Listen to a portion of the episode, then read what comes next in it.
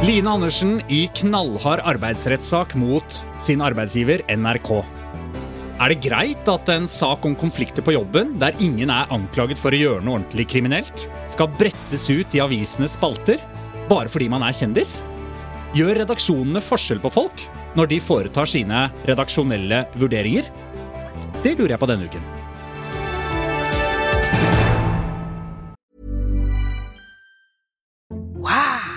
Nice. Yeah.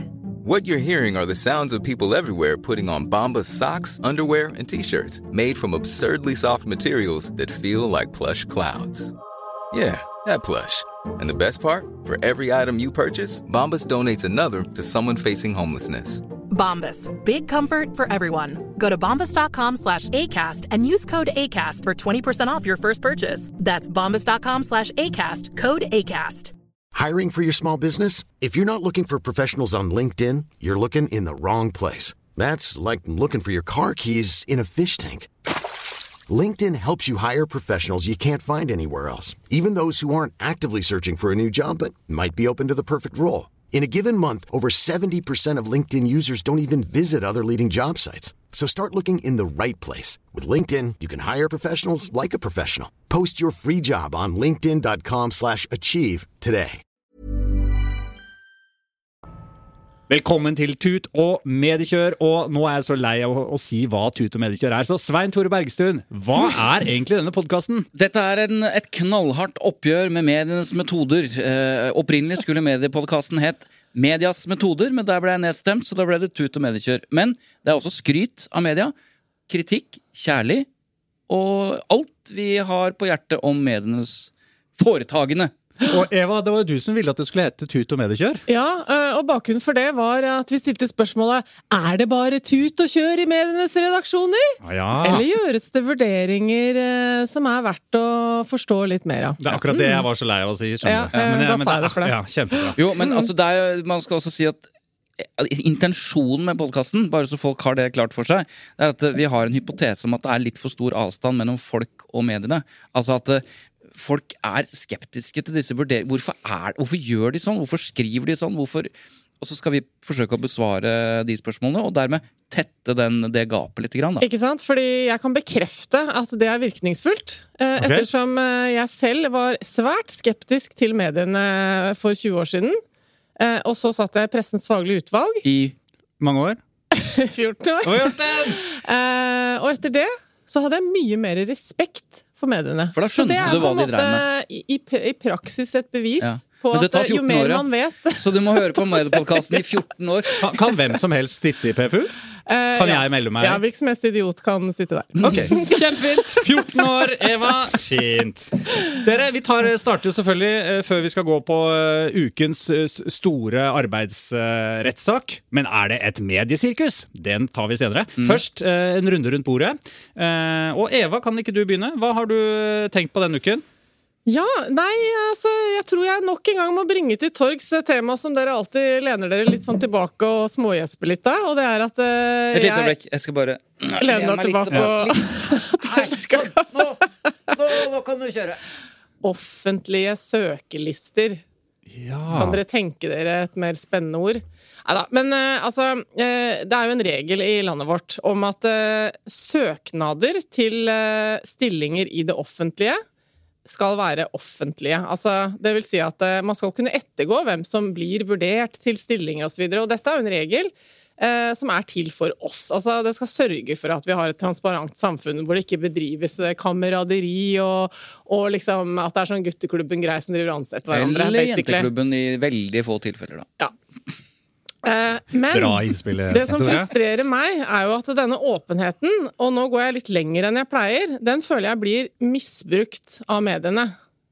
Ok. Eh, på den måten at, eh, eh, at de på en måte bare bruker den til å legge ut listene, sånn helt eh, ukritisk.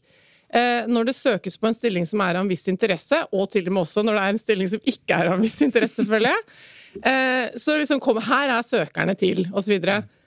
Og det er klart, dette foregår jo mest i eh, i mediebransjens eh, spalter når det er snakk om eh, stillinger i, i, mediene, da. Eller i medierelaterte ting. fordi da skal de liksom virkelig gjøre jobben og vise at vi tar, gjør ikke forskjell på folk. sånn. Poenget mitt er at når det er da Når det lyses ut en jobb som kommunikasjonsdirektør i Medietilsynet, som jo da er et statlig et tilsyn, så er 8 av 18 søkere unntatt offentlighet.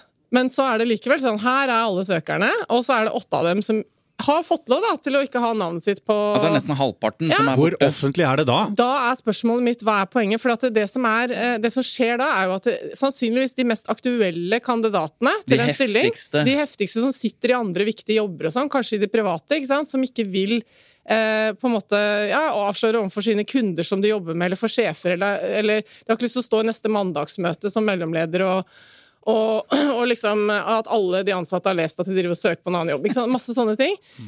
Så de får innvilget, da, noen av dem, eh, den, eh, den, eh, den liksom fordelen av å være unntatt offentlighet. Fordi de har en god grunn. Og det er mange gode grunner.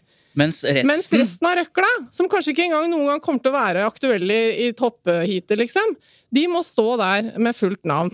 Og så irriterer det meg, for når dette debatteres, så er alle sånne flinkiser veldig sånn Ja, men alle ledere må jo forstå, liksom Bare sette pris på at folk eh, flytter seg i arbeidslivet og er attraktive og sånn. Ja, men det er bare Sånn er det ikke.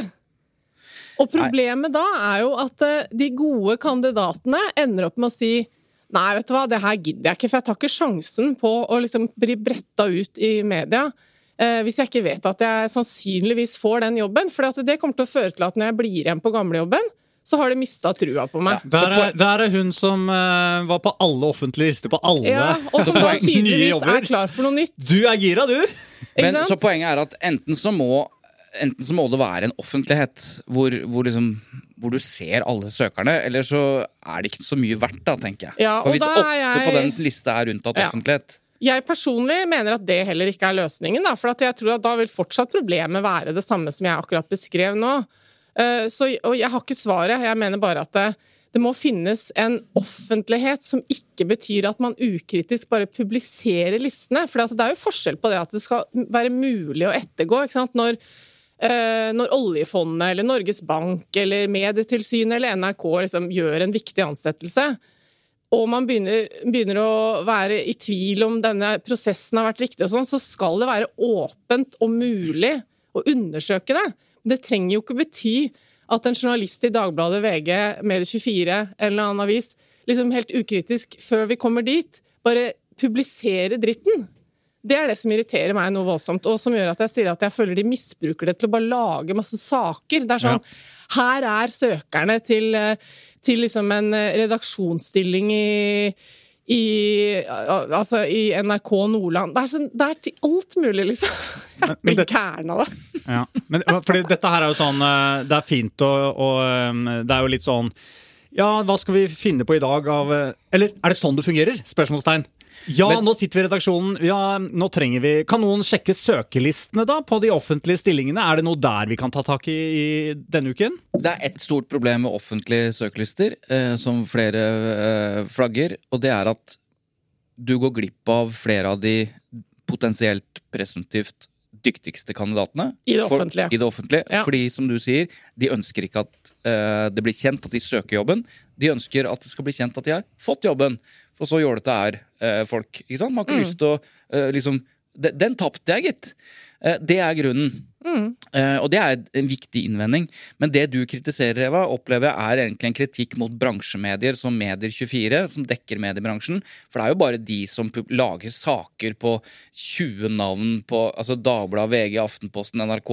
De lager jo ikke saker på det hvis ikke det er helt sånn prominente stillinger, da. Sånn veldig Nei, Ikke det er riktig. Så det, det er, de andre avisene gjør det mest når det er sånne store stillinger. Innovasjon Norge, sånne sånn attraktive jobber, da. Så du, egentlig så bør du sende en mail til Medier24. Kan ikke dere slutte med? Ja, men altså, jeg, jeg syns jo logikken er der i de andre redaksjonene også noen ganger. Ikke sant? Og det som er grunnen til at jeg anklager mediene sånn generelt, da, og det er jo selvfølgelig urettferdig, for noen gjør jo andre vurderinger her, men overordnet så er det inntrykket mitt eh, det at de, de anser det som sin rett at når noe er åpent, så betyr det at de liksom kan bare grafse og publisere ting. Det syns jeg er en sånn misforståelse på generelt grunnlag, da, Mm. som var litt lik det med skattelistene før.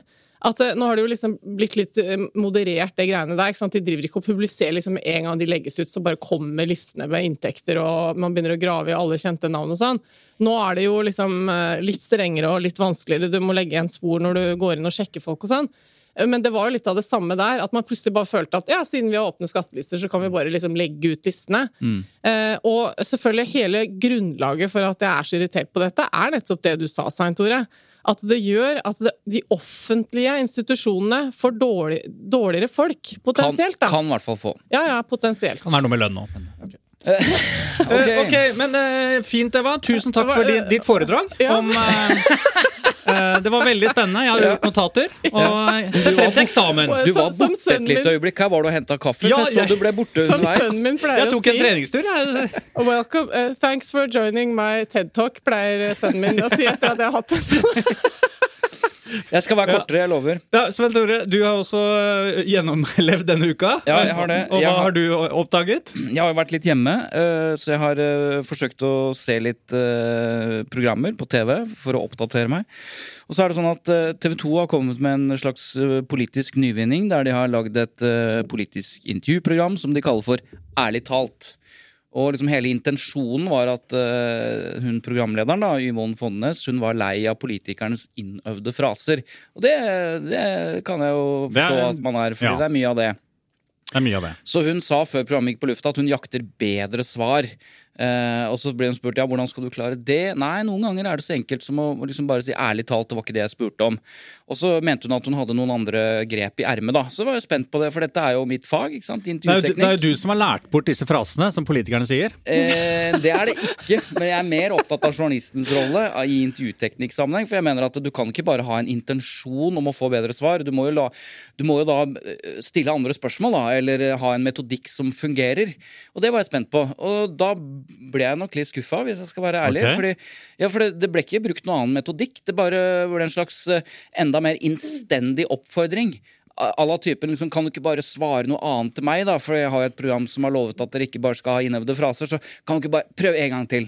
Sånn ble det litt. Ja. Og det, jeg har bare lyst til å bare spille et lite klipp her som, som jeg mener viser litt uh, at Ja. det er sånn ja, men Kan du ikke bare svare ærlig, da? Ja, ja, Eh, og, og, og her er det. skal de få hvis de får deg som statsminister.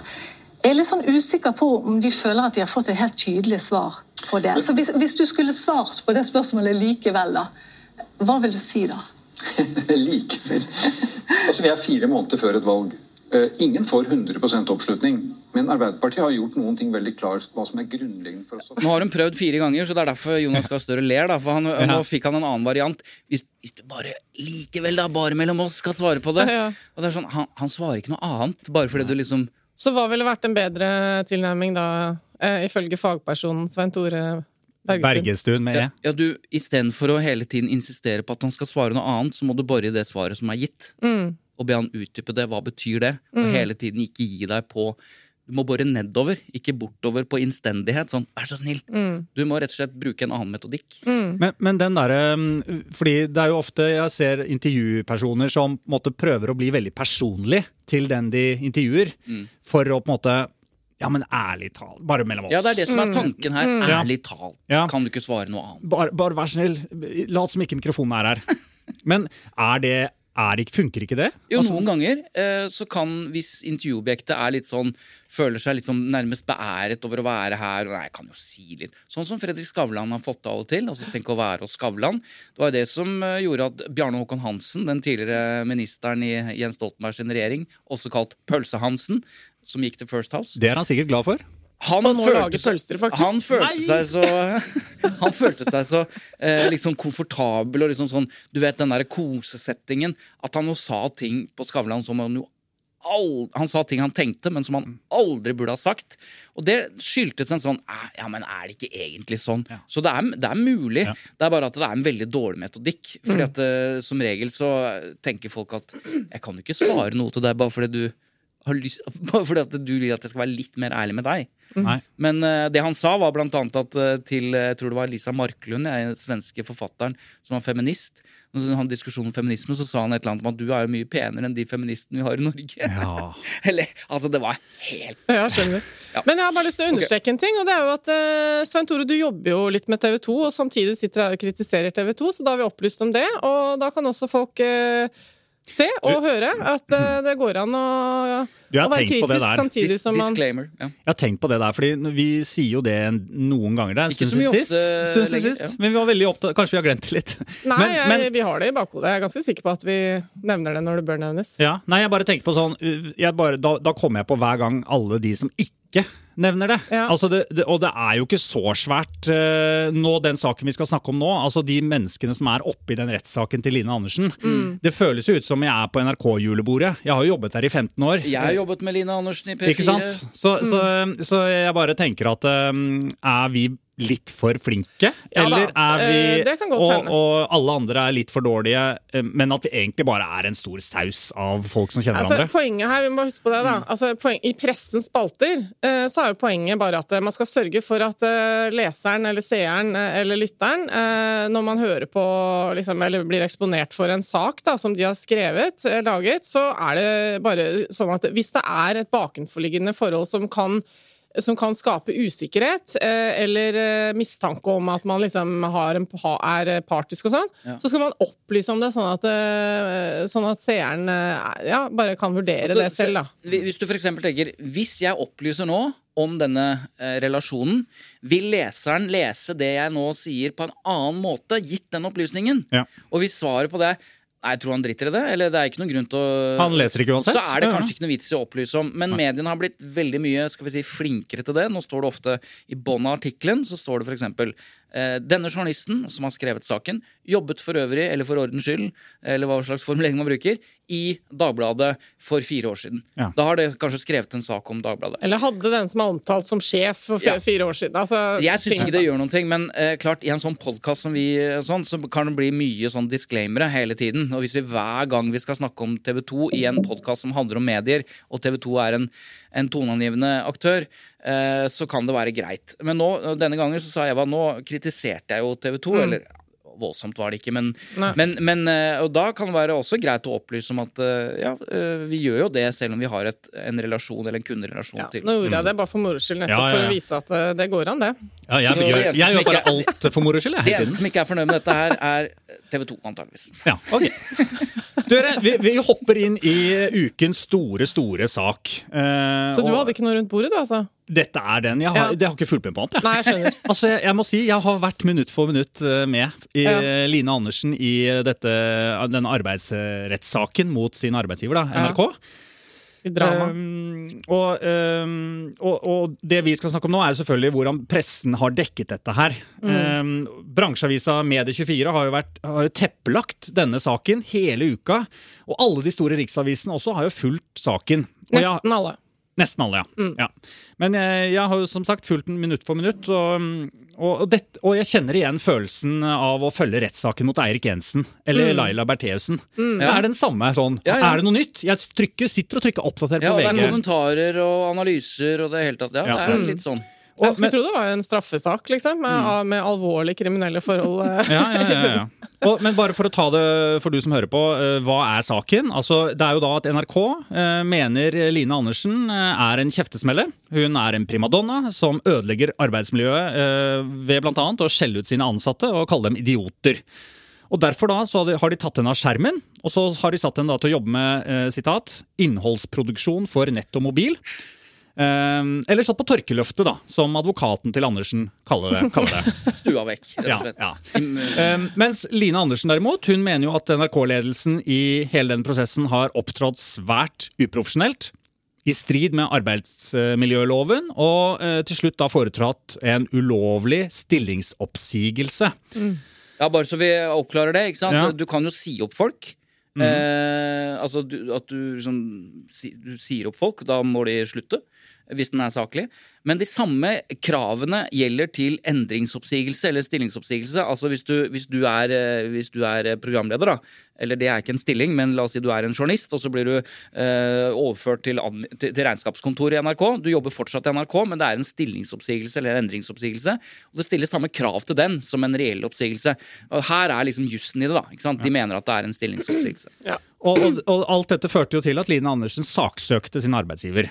Og det er derfor de sitter i rettssalen nå. Um, og svært private detaljer har jo nå kommet ut. Det er jo, altså, det er jo personer, personlighetsdirekte hets mot hverandre. Eh, Du sa det, du, er, du sa idiot. Nei, det gjorde jeg ikke. Og Det er- SMS-er og e-poster og det hele tatt. Så, så eh, det er satt av fire dager til rettssaken, og 18 vitner er satt opp, i tillegg til partsforklaringen da, til Andersen og NRK. Kan vi ikke bare starte med et lytterspørsmål? Skal vi gjøre det? Ja. Since 2013, Bombas has donated over 100 million socks, underwear, and t shirts to those facing homelessness. If we counted those on air, this ad would last over 1,157 days. But if we counted the time it takes to make a donation possible, it would take just a few clicks. Because every time you make a purchase, Bombas donates an item to someone who needs it. Go to bombas.com slash ACAST and use code ACAST for 20% off your first purchase. That's bombas.com slash ACAST, code ACAST. Hiring for your small business? If you're not looking for professionals on LinkedIn, you're looking in the wrong place. That's like looking for your car keys in a fish tank. LinkedIn helps you hire professionals you can't find anywhere else, even those who aren't actively searching for a new job but might be open to the perfect role. In a given month, over 70% of LinkedIn users don't even visit other leading job sites. So start looking in the right place. With LinkedIn, you can hire professionals like a professional. Post your free job on linkedin.com slash achieve today. Ja, for jeg har fått flere av de Ja. om denne saken. Ja. Og det er eh, Mikkel som skriver. Hei. Dekningen av Line Andersen-saken mot NRK reiser noen spørsmål jeg lurer på. Ehm, jeg har et inntrykk av at media er forsiktige med å omtale detaljer fra bevisførselen i arbeidsrettssaker generelt. Slike saker er jo veldig ofte utleverende for både den oppsagte medarbeideren og eventuelle kollegaer. Slike saker omhandler som regel forhold som er langt fra straffbare, men som likevel kan være veldig belastende for den enkelte medarbeideren, dersom det blir omtalt i media. Baksnakkelser, interne krangler, dårlige øyeblikk hvor man har sagt og gjort eller skrevet noe man kanskje ikke burde. Og dette vil de færreste av oss ha ut i offentligheten. Like fullt kan slike episoder havne i retten dersom en arbeidskonflikt ender i oppsigelse som ikke blir løst gjennom avtale mellom partene. Lang intro. Ja, det, takk, Mikkel. Jeg tenkte det selv. Um, Men mitt spørsmål er eh, hvor medias vern av enkeltpersoner opphører, og den legitime dekningen som følger av en allmenn interesse starter. Ja.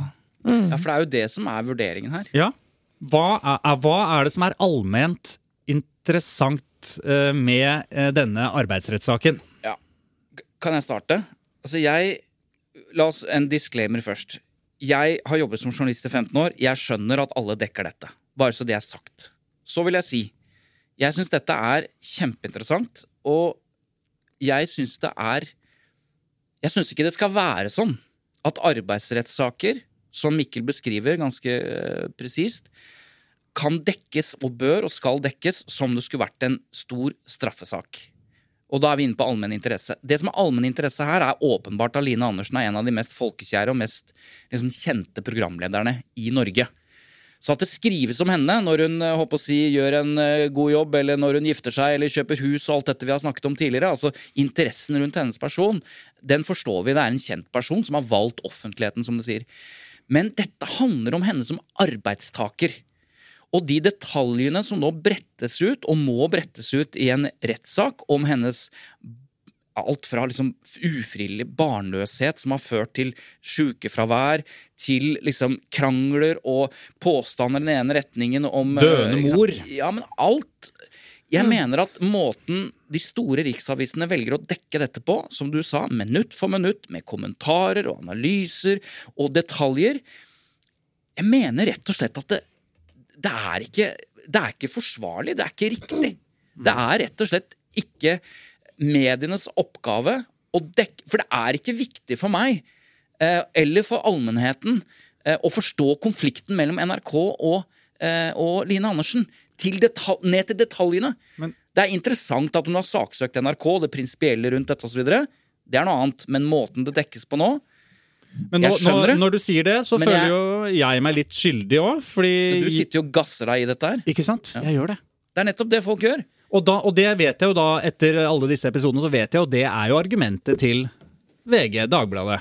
Fordi de sier at eh, jeg de, Ja. Det er jeg som sitter og klikker på dette. Det ser jo de. Ja, ikke sant? Og da er vi jo tilbake til det begrepet som vi snakker om ofte, allmenn interesse. Du bekrefter at det er allmenn interesse for dette. Hvis man bruker det begrepet i, i liksom forståelsen av at det, det er interessant. Mm. Men det kan man jo diskutere om det er det allmenninteresse betyr. ikke sant? Fordi vi driver og sier at allmenninteresse er ikke det samme som allmenn nysgjerrighet. Du er jo nysgjerrig. Du har jo dritlyst til å høre om eh, intrigene, liksom. Men er det sånn, klarer du å holde deg unna fordi du tenker at hvis du klikker, så er du bare med på spiralen? Ja, altså, jeg er nok litt flinkere enn deg, men det er også litt fordi at jeg har ikke hatt tid til å klikke inn på alt. Altså, jeg, jeg følger jo ikke løpende nyhetsdekning eh, på den måten, litt av den grunnen. At jeg orker ikke å klikke på den sjette saken i den samme nettavisen og lese liksom nok en gang linker hit og dit og sånn, fordi jeg føler at jeg kommer inn i sånn ekkokammer på nettavisen, liksom. Men, Men, eh, men, ja, men- du har snakket med eh, VG annet Ja, om dette. Men det før, før vi hører hva deres begrunnelse er, eh, så bare, bare tenk dere følgende. Jeg har en, em, jeg har en bekjent som nå er i en arbeidskonflikt. Og hun, eh, som mange som opplever dette her, altså, det er så belastende. Hun er sjukmeldt. Det er helt krise. Hun mener at hun ikke har gjort noe feil. Men det er, her er det en, ar en arbeidsrettssak eh, liksom in the making. Og så tenker jeg og, Nei, Hun er ikke kjent, hun jobber på et kontor et eller annet sted. Men la oss si at hele den saken ble brettet ut i lokalavisen.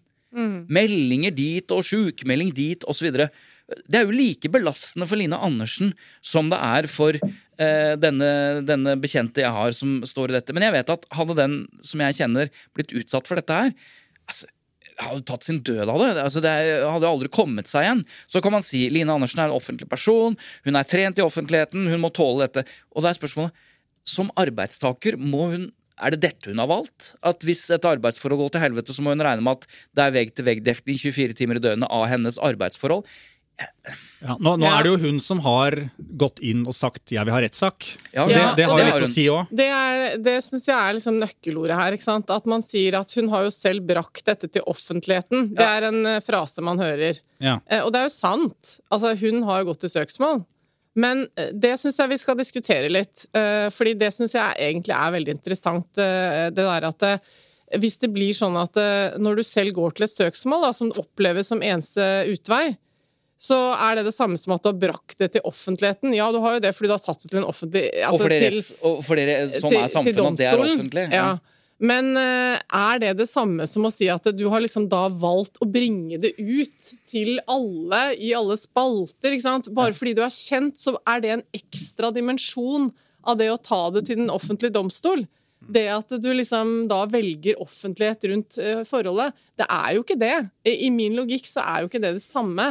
Det gjør jo at eh, kjente personer på en måte har et dårligere vern, da, hvis du kan si det sånn. Ja. For det vil si at en kjent person unngår å gjøre de naturlige ting i samfunnssystemet vårt. Eh, nettopp fordi at de ikke orker at det blir liksom grafsing og sånn. Derfor så har de en mindre mulighet til å forfølge dette på den måten som samfunnet mener at vi skal forfølge det, nemlig i en rettssak, hvis man ikke finner en annen Det annen er løsning. helt enig. Altså, dette er jo en ekstrabelastning som må vurderes. og Den har nok Line Andersen vurdert. Men, og, og tenk på det, da, nå spekulerer vi da, men hun har altså vurdert at hun skjønner jo at dette blir en, en skittentøyvask i offentligheten. Ja. Likevel så har hun valgt å gå til Og, søksmål. og da vil jeg anta at, hun er, at det har gått rimelig langt, da, for å si det sånn. Ja. Det er jo ikke det første man tenker når man er kjendis. Men jeg er helt kjendis. enig i at det, det at kjente personer, uh, i, sikkert i mange situasjoner, lar være ikke bare å saksøke sin egen arbeidsgiver, men la være uh, å foreta uh, det som alle andre Ja, eh, gjør- kan gjøre. Fordi de må vurdere offentlighetens lys på det i tillegg. Det er, eh, dette tenker, tror jeg, sjelden mediene på. Jo, Eh, eller det de tenker er at Tøff skitt, du har valgt å være kjendis. da må du ta den. Liksom, det er på en Ja, måte er- svaret man får, da. Men så er den der, så kommer jeg til, tilbake med det samme argumentet at jeg har valgt å være kjendis, eller eventuelt valgt å ta en jobb som medfører en del offentlighet, da. Eksempel at Det trynet sånn- ditt er på en skjerm eh, veldig Men, ofte. men eh, det er jo veldig ofte en eh, sammenheng der, da. Man har jo ønske om å bli sett, og, Ja og, så, og så vokser Men på liksom- seg når du er på en skjerm. Jo, men hvis du, altså, det er jo i kraft av en jobb, først og fremst. Og så kan man jo, uten å snakke om Line Andersen konkret, da, så er det jo mange sånne type jobber og offentlige roller som programledere og bla, bla, bla, som gjør at du, du blir kjent, du får et navn, folk veit hvem du er, osv., osv. Ser deg ofte, føler at de kjenner deg. Men som, men som er jobben din.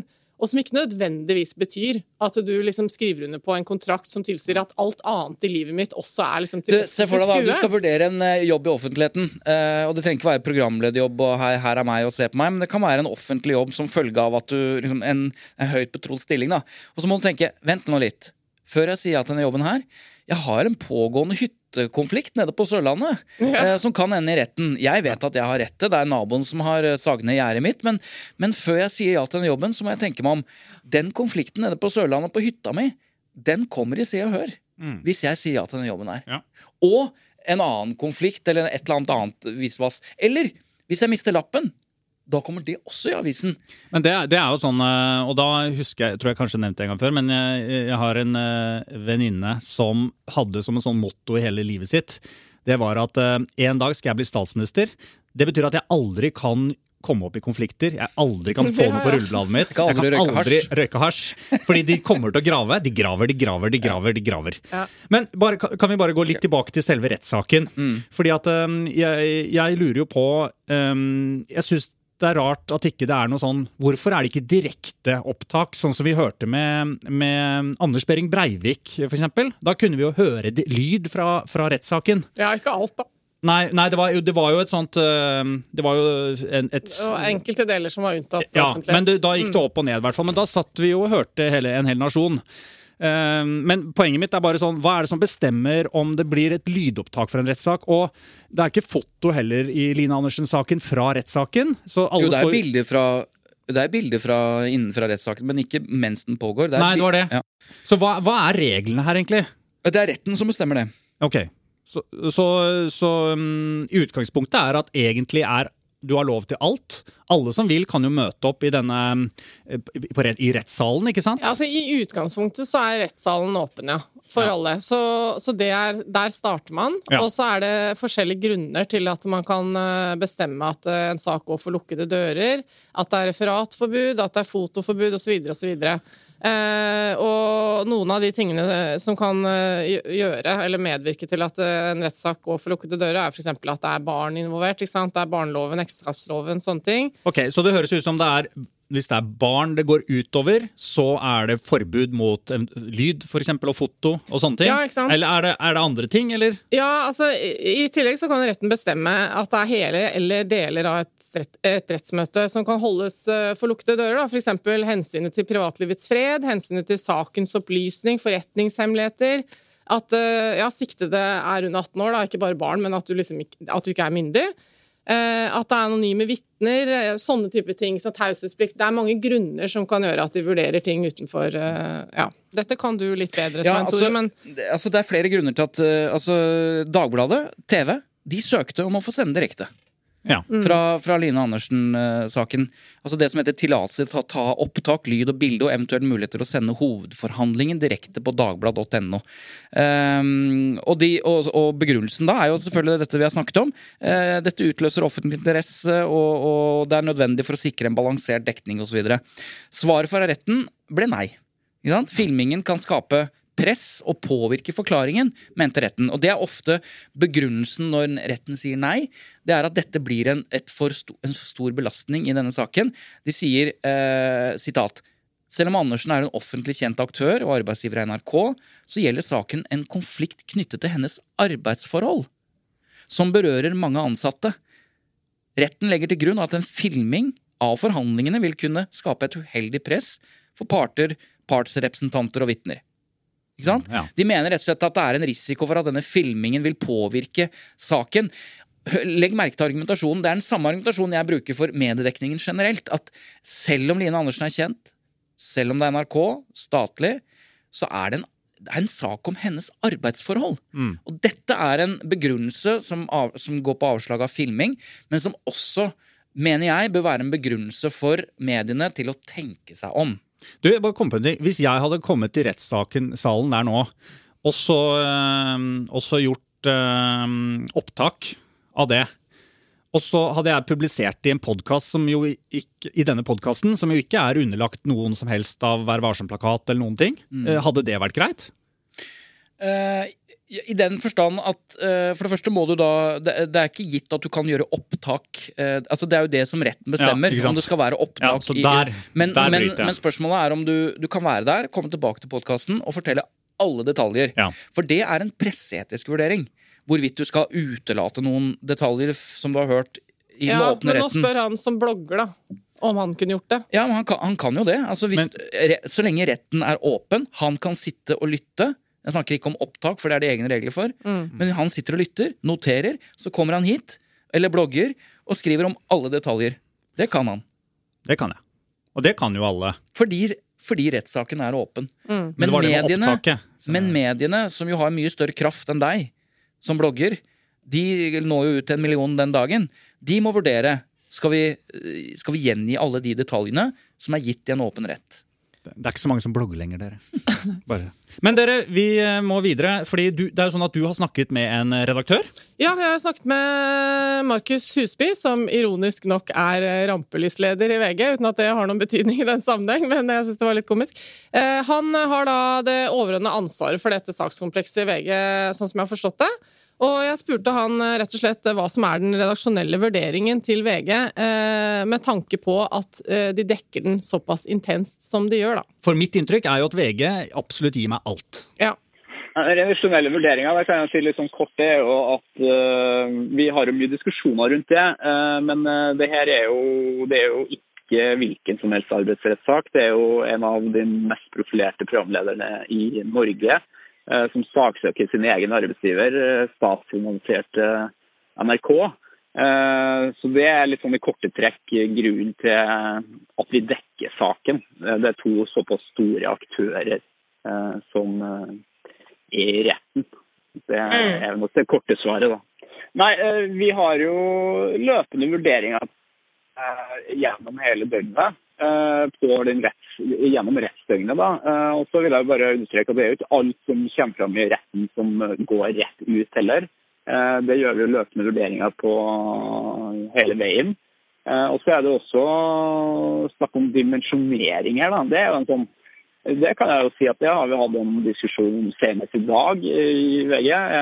Har vi for mye slagside den ene veien, eller har vi, og er vi liksom, har vi for mye om saken? for? Bør vi ha den som oppslag, eller bør vi ha den på linje tre? Eh, så det er jo ting vi diskuterer eh, jevnlig. Linje tre, er det sånn eh, stikkord for eh, ikke så viktig, men nesten viktig? Ja, En god og- nummer tre? Ja, og når han Sak. snakker om opp, Skal de ha det som oppslag eller ikke? Altså, det, er jo, det er jo ikke alle sakene som du ser på fronten for eksempel, som store oppslag. Nei, sånn. Eh, og, det, og dette er jo en diskusjon vi har hatt uh, flere ganger. altså gjør mediene vurderinger i det totale trykket. Uh, eller i hvert fall sitt eget totale trykk da, på sine egne sider. Og det, og det gjør de jo. ikke sant? Ja, de må det er bra. vurdere dette. Og der har jo VG svart i andre sammenhenger til oss også at de noen ganger eh, har en sånn eh, De samler store sakskompleks eh, under en slags fane, sånn at det ikke bare blir masse saker nedover når det scroller, da, men at de heller liksom Sånn var det under katastrofen på Gjærum osv. Gjerdrum. Gjærum. Men her sa jo også Markus Husby, eh, som leder dette i VG, at eh, det er ikke, han nevnte det, det er ikke alle detaljer De gjør en vurdering på det, Ja. som vi snakket om. ikke sant? Og der ser vi jo allerede at noen eh, publikasjoner velger enda mer private detaljer som kommer fram i retten, eh, mens andre lar være. Ja, og det er jo fint at de gjør det, samtidig som det ikke nødvendigvis hjelper uh, overfor sånne mediekonsumenter som Christian, som scroller gjennom alle nettavisene. Fordi uh, jeg tror jeg kan uh, anta hva de har vurdert uh, som eh, ikke publiseringsverdig, og det nevnte jo du selv, Svein Tore, dette med ufrivillig barnløshet som hun har måttet forklare seg om, og, og eh, altså private forhold rundt morens død og sånn Men, men ja, det vil jeg som, det. Som jeg ikke har sett så mye om i VG, men som jeg har sett i andre aviser, annet Nettavisen. ikke sant? Så da Men, men det var jo, det, nå var jo dette, ble jo dette en viktig, et viktig argument for hvorfor. En forklaring på hvorfor. Så sånn sett så var det jo viktig. Ja, det er viktig. Poenget mitt er at det er jo viktig i rettssalen Ja. når de som skal Ja, ja, eh, komme med en konklusjon Men det er jo ikke her. du Men det er ikke skal, viktig for eh, deg. Det Jeg er jo følte hele jo det, da. forskjellen. Ja. Det er Det er ikke du som skal ta beslutningen om, eh, Nei. om hun får medhold eller ikke. Det er det som skjer her, at man får inntrykk av at alle i Norges land skal være med å ta denne beslutningen. De skal sitte Jeg satt senest i går kveld med en gjeng eh, folk, eh, riktignok eh, på forsvarlig smittevernavstand, og, og så kom denne saken opp. Og da hører jeg jo hvordan folk snakker om det, for de har gjort som det er, lest alt. Og så sitter de og mener masse om Line Andersen og det, hva de tror om henne og sånn. Mm. Det er jo det som skjer nå. Folk sitter og vurderer hennes person. Men det, dette er litt gøy, fordi at um, jeg, Ja, det dette er, kan jo du synes. Ja, ja, nei, ja. nei nå, nå tenkte jeg sånn, sånn journalistisk, Ja. fordi mm, eh, ikke sant? Vi har jo laget Baneheia-podkasten, Svein Tore. Mm. Og, og det er jo også en sånn ideen om hvordan lage disse true crime-podkastene, er jo nettopp tanken på at du forteller en sak minutt for minutt, og dermed også kjenner lytteren på at de er med. På, s- på øyeblikket og er med på etterforskningen. De Ja. er med skritt for skritt. De vet, eh, og det er jo på en måte det store trikset som alle i true crime-serier bruker. Du forteller aldri mer enn det eh, du faktisk kan vite i det øyeblikket. Og det er jo litt som å lese et referat fra en eh, rettssak, ikke sant? Eh, Ja, det er ikke noe tvil om at VG og Dagbladet og Aftenposten alle vil at de skal altså, De vil at du skal lese dette, eh, og de gjør det dermed så interessant de kan. eh, Men veier det forhåpentligvis opp da mot, mot presseetikken. Og det er der man gjør ulike vurderinger. Men om VG gjør andre vurderinger enn Nettavisen, så vil jo allikevel totalen være det som er avgjørende for Line Andersen eller for NRK. Ja, ikke sant? Og når du forklarer den dramaturgien som, eh, som det er fokus på i en podkastproduksjon eller true crime, da, så er jo det i hva skal jeg si, underholdningsøyemed, eller det er jo en dramaturgi som skal gjøre det interessant for lytteren, ikke sant? Og det er jo litt av det samme her. At eh, det at man eh, liksom kommer med sak etter sak, detaljer i dette her, er jo også en slags sånn løpende underholdning, på en måte, mm. for Men... leserne, da. Og det er jo litt sånn ubehagelig med tanke på at eh, vi snakker ikke om et eh, bestialsk drap i Baneheia her, som liksom folk eh, Altså, det er en viktig kriminalsak, og det er eventuelt et justismord, mener noen og sånn, ikke sant? Men vi snakker om en arbeidsrettssak. Ja. Og da er vi en tilbake igjen til tvist på en arbeidsplass. Mm. Eh, fordi at uh, dette, som tingretten begrunner når de avslør, av, avslår liksom søknaden om filming, er om et arbeidsforhold. Det er ikke potensielt 20 år i fengsel for Eirik Jensen eller, eller, eh, eller eh, liksom kona til justisministeren som har eh, Ikke sant? Det er, det er noe helt annet. Ja. Uh, og, og det er der jeg liksom Jeg hører Markus Husbø sier vi gjør en løpende vurdering. Ja, Spurte det, du ham hva det betyr? Ja, eller, eh, det syns jeg er utrolig interessant, for du snakket innledningsvis Svein Tore, om at eh, det er noen sånne fraser som man lærer seg å lire av seg liksom, når man Ja. ikke egentlig vil svare på ting. Og det er ikke det at jeg sier at han ikke vil svare, for han svarte veldig åpent, han. Men den derre løpende Vi gjør løpende vurderinger. Døgnet rundt. Og kon, uh, vurdere kontinuerlig, det er jo en standardfrase. Ja, Så jeg spurte han hva mener han egentlig med eh, at de gjør løpende vurderinger. Hva betyr det da? Hva er det dere konkluderer med? Ja, For det er jo det jeg vil vite. Dette gleder jeg meg til å høre. Nei, jeg kan fortelle litt hvordan vi gjør det. Altså, vi har, nå er det jo, nå sendes denne rettssaken her på link, for vi får til å være i rettssalen. Eh, så vi har jo to reportere som gjør veldig god jobb på å følge eh, rettssaken. Eh, og da har vi en sånn Slack Teams-gruppe eh, med sjefer og fronter og sånn. Eh, og så er det da, hvis det er etiske vurderinger som må gjøres, eh, liksom on the go, da. Eh, Så spør reporterne om skal vi sitere det her, og så gjør jeg en vurdering sammen med nyhetssjef på kontoret. Er Der vi rett og slett roper nå er det hva gjør vi her? Skal vi sitere det her? Skal vi navngi her? Eh, nei, det skal vi. Ja, det skal vi gjøre. Eh, så det er, liksom, det er jo den løpende vurderinga vi gjør. Eh, så sånn som i dag, så var det ting som var tatt opp som vi ikke tok med. Eh, ja, uten at jeg går i detalj på hva det var, da. Eh, men så, det er sånn den løpende vurderinga vi gjør. Så vi er vel i den, i den Slack-gruppa vår så er det frontere, det er nyhetssjef, eh, det er meg, det er journalistene som følger rettssaken, og, og vi har litt sånn både breaking-sjef og nyhetssjef tilgjengelig da, på kontoret som liksom kan ta de vurderingene når de kommer. Eh, Så det er jo krevende, men jeg føler at det, det, det fungerer, da. Jeg, jeg syns det er morsomt å høre eh, Slack og Teams og løpende vurderinger. eh, og frontsjef og Frontere. Nei, ja, frontere. Og så var det, hva var det, breaking-sjef. Mye faguttrykk. Så, men rett og slett så sier han jo at det er et team da, som sitter og samarbeider om disse vurderingene. Men det som er interessant, er jo at eh, så gjør de en vurdering om at det er noe som ikke skal ut. Mm. så sitter, og da ser jeg for meg sånn derre eh, pulserende nyhetslokaler. Sitter og skriker og hoier, og så vi går, Nei! liksom på den. Og så i redaksjonen ved siden av, som er Nettavisen, så gjør de akkurat det samme. Og så er- lander de på ja. Der er vi ja. Og det sier jo litt om, eh, om presseetikken også. At det ikke Det er jo Du spør av og til liksom Er dette lov, sier du, Kristian Christian. Ja, i Nettavisen er det lov. I VG er det ikke lov, f.eks. For Ja. Eh, Fordi det er presseetikk og løpende vurderinger.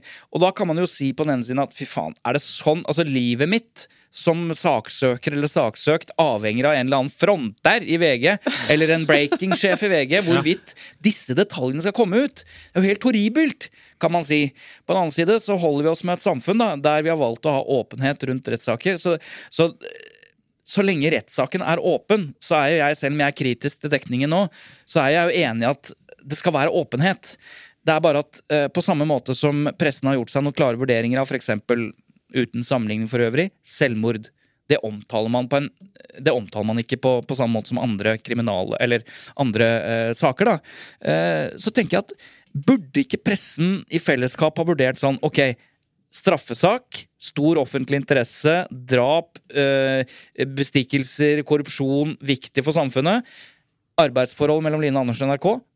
Ikke så viktig, kanskje. Kanskje ikke minutt for minutt viktig. Så det er den vurderingen da jeg etterlyser. Um, Men jeg hører kanskje nå at jeg roper for døve ører. vi kommer jo tilbake til det at hun har brakt denne saken til offentligheten. Uh, og er det da sånn at uh, fordi hun er kjent, uh, så må hun tåle dette? Mm. Og, og jeg spurte jo Markus om det, antyda jo det samme, ikke sant? Markus Husby i VG, da, at, eh, at liksom eh, er det så enkelt at Line Andersen selv har oppsøkt offentligheten? Er det, liksom, er det nok? Kan man bare bruke det som et argument, da? Eller høre hva han sier. Som jeg sa, hun har jo oppsøkt offentligheten med det.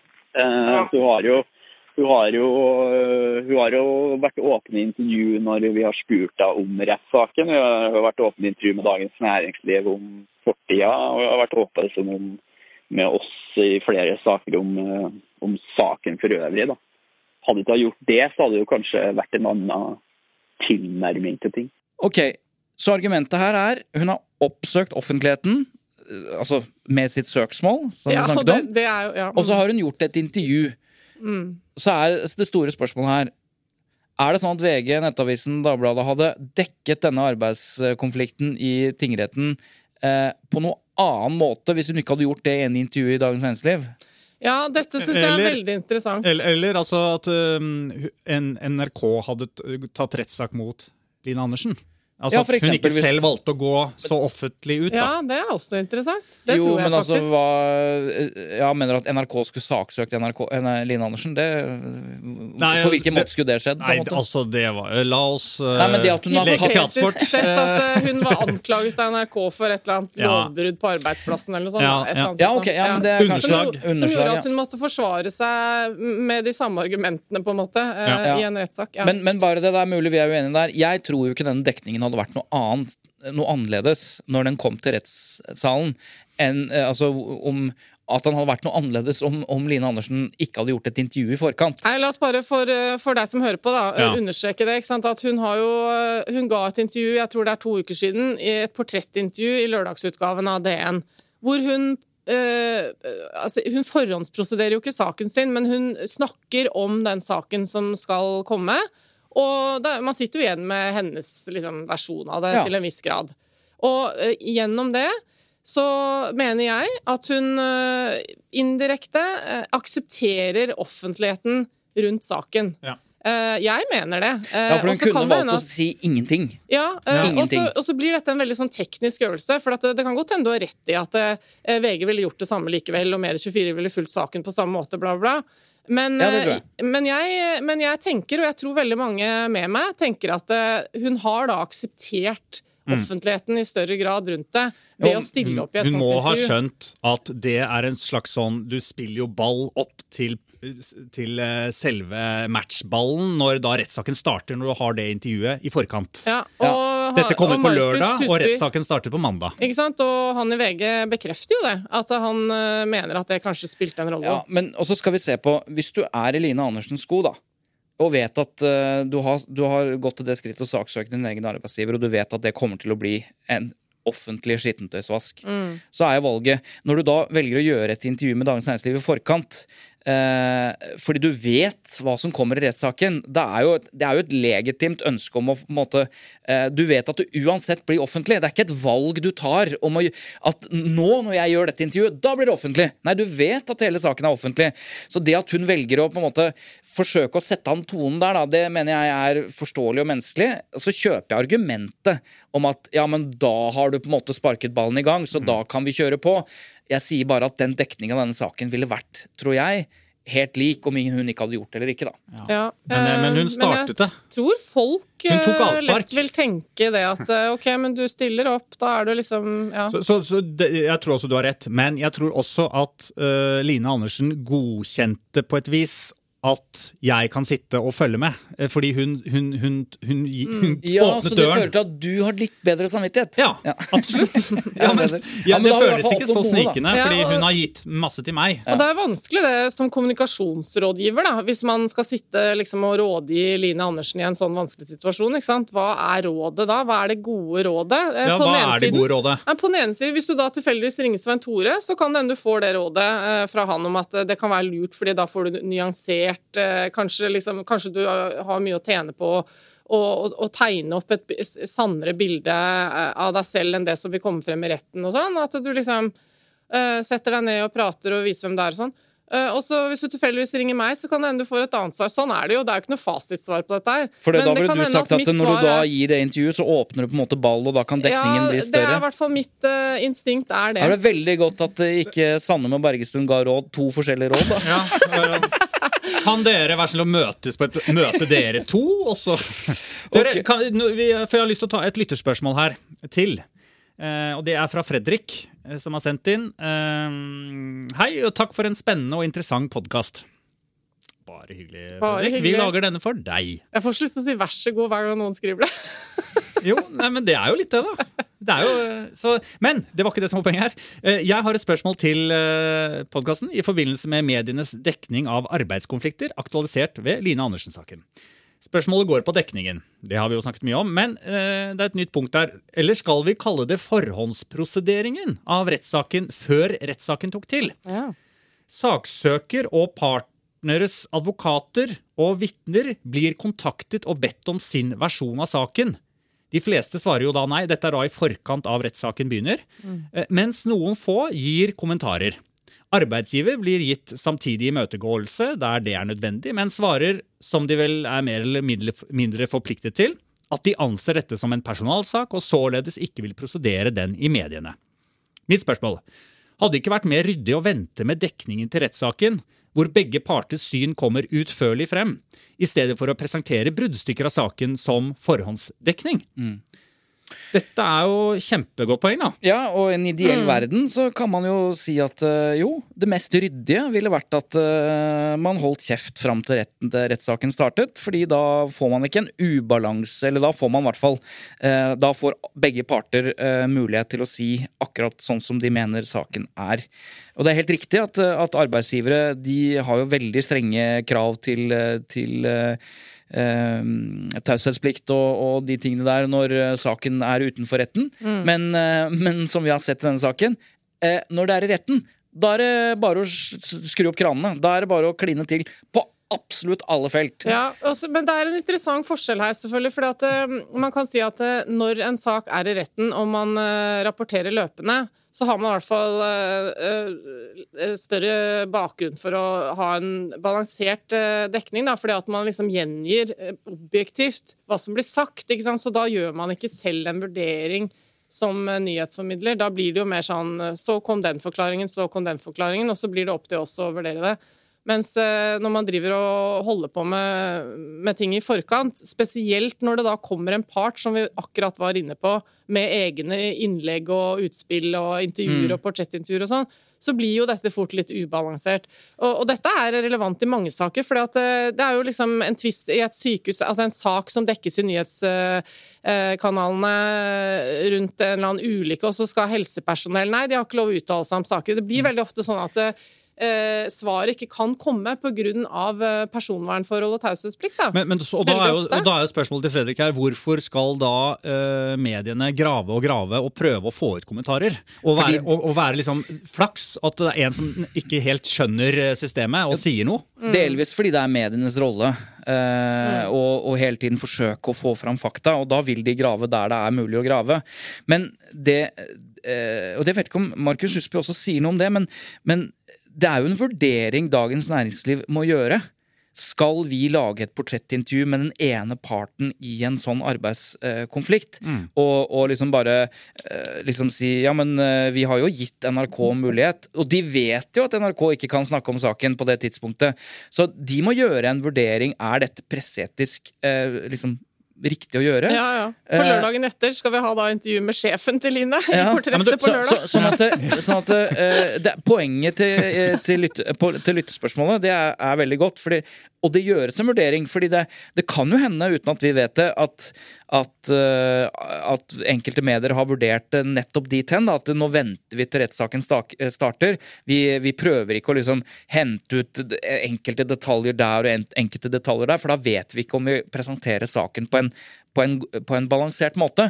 Så det gjøres nok den type vurderinger, og, og Dagens Næringsliv må, må svare for om de gjorde en riktig vurdering da de eh, skal vi si, slapp henne til i et svært portrett. da. Men du, du ja, Eva? Ja, eh, Markus eh, Husby sa noe om det. Vi kan godt høre hva, hva han nevnte rundt det. det at uh, hun gjorde en del intervjuer, var jo litt som eh, var en liksom utfordring i starten når den andre aktøren ikke vil si så mye.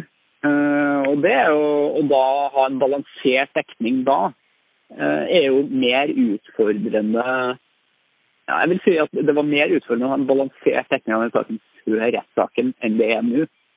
Eh, sånn som i dag så har jo Egil Sundborg i NRK gitt sin versjon og NRK sin versjon.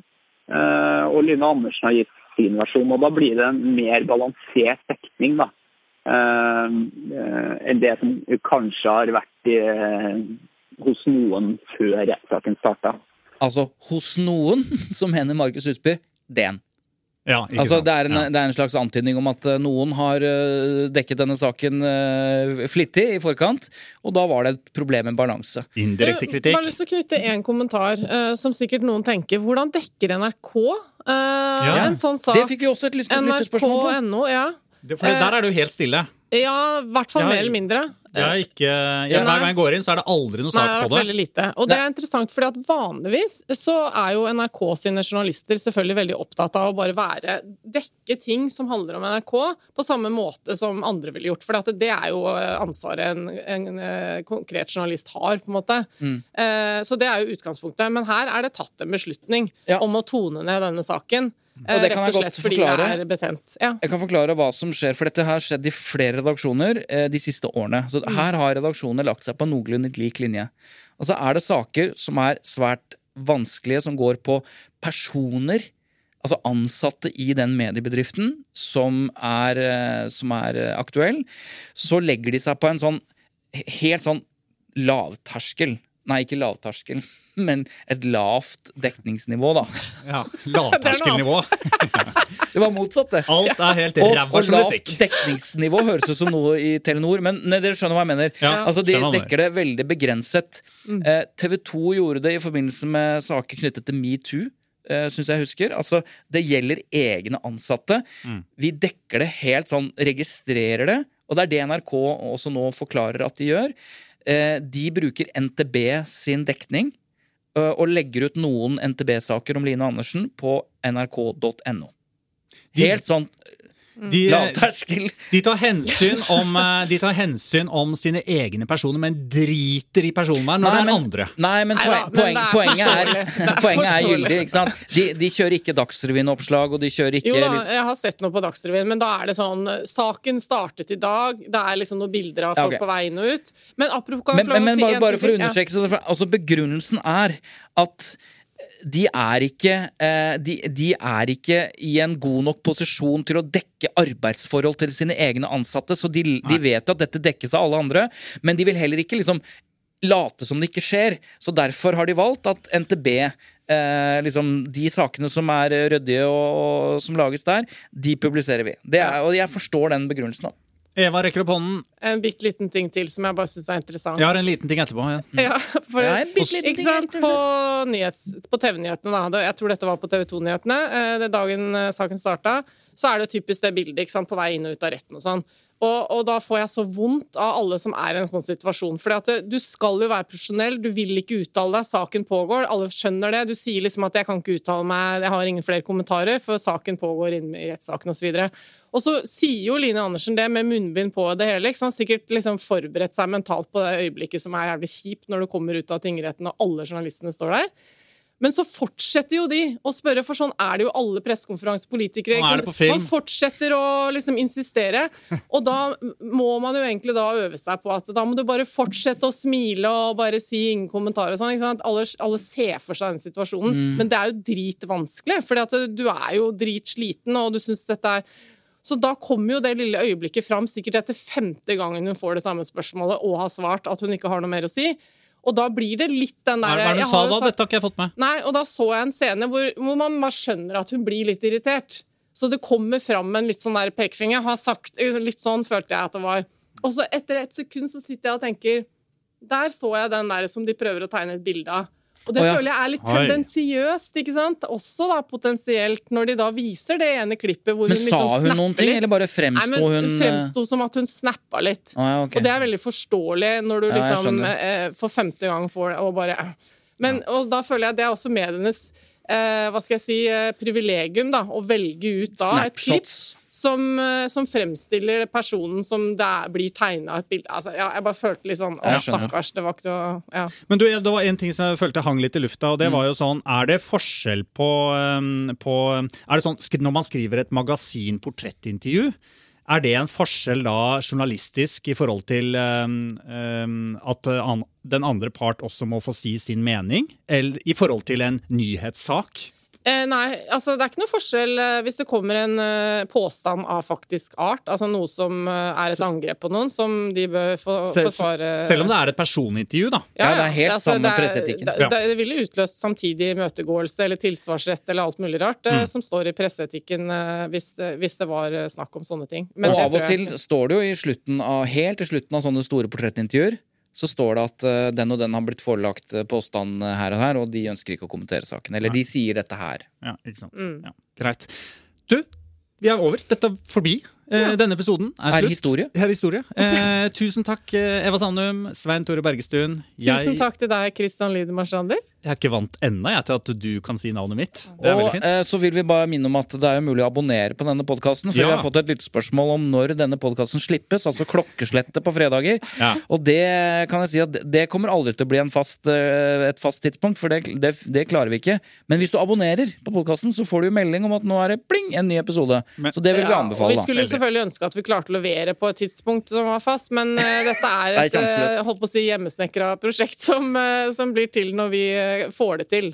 Men, men eh, vi har, vi, altså målet vårt er jo, og det har vi gjort veldig bra hittil, noen unntak, men fredag morgen skal Ja. den ligge i spilleren. ja, det er sant. Så fredag morgen-ish, formiddag-ish, og noen ganger ettermiddag-ish. Det, det, det. Men- helga. og så- Før du eh, knerter den ølen på fredagen. Ja, da, da. Nei, ikke før du knerter den på fredag, da, for det skjer jo av og til ved lunsj. Oi, nå, så ærlig og fint! Se, du som hører på. Vi er dine venner, eh, og du, blir, du er med i gjengen. Husk at vi er også veldig avhengig av eh, dine spørsmål, så send inn det du lurer på, som du tenker at eh, Som du lurer på, som jeg nettopp sa, til eh, tut. Krøllalfalydeproduksjoner.no. Gjør det. Mm. God helg, dere. God helg. Eller god mandag, Pinse. tirsdag, God pinsehelg. Jeg tror det er pinse. Ja. Godt nyttår.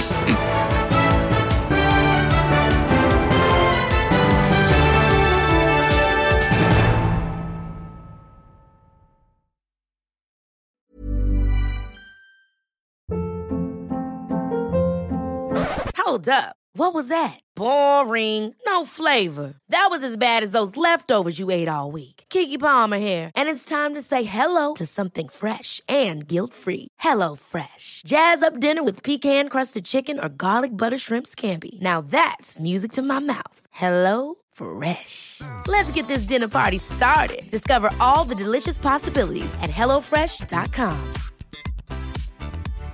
When you make decisions for your company, you look for the no brainers. And if you have a lot of mailing to do, stamps.com is the ultimate no brainer. It streamlines your processes to make your business more efficient, which makes you less busy. Mail checks, invoices, legal documents, and everything you need to keep your business running with stamps.com.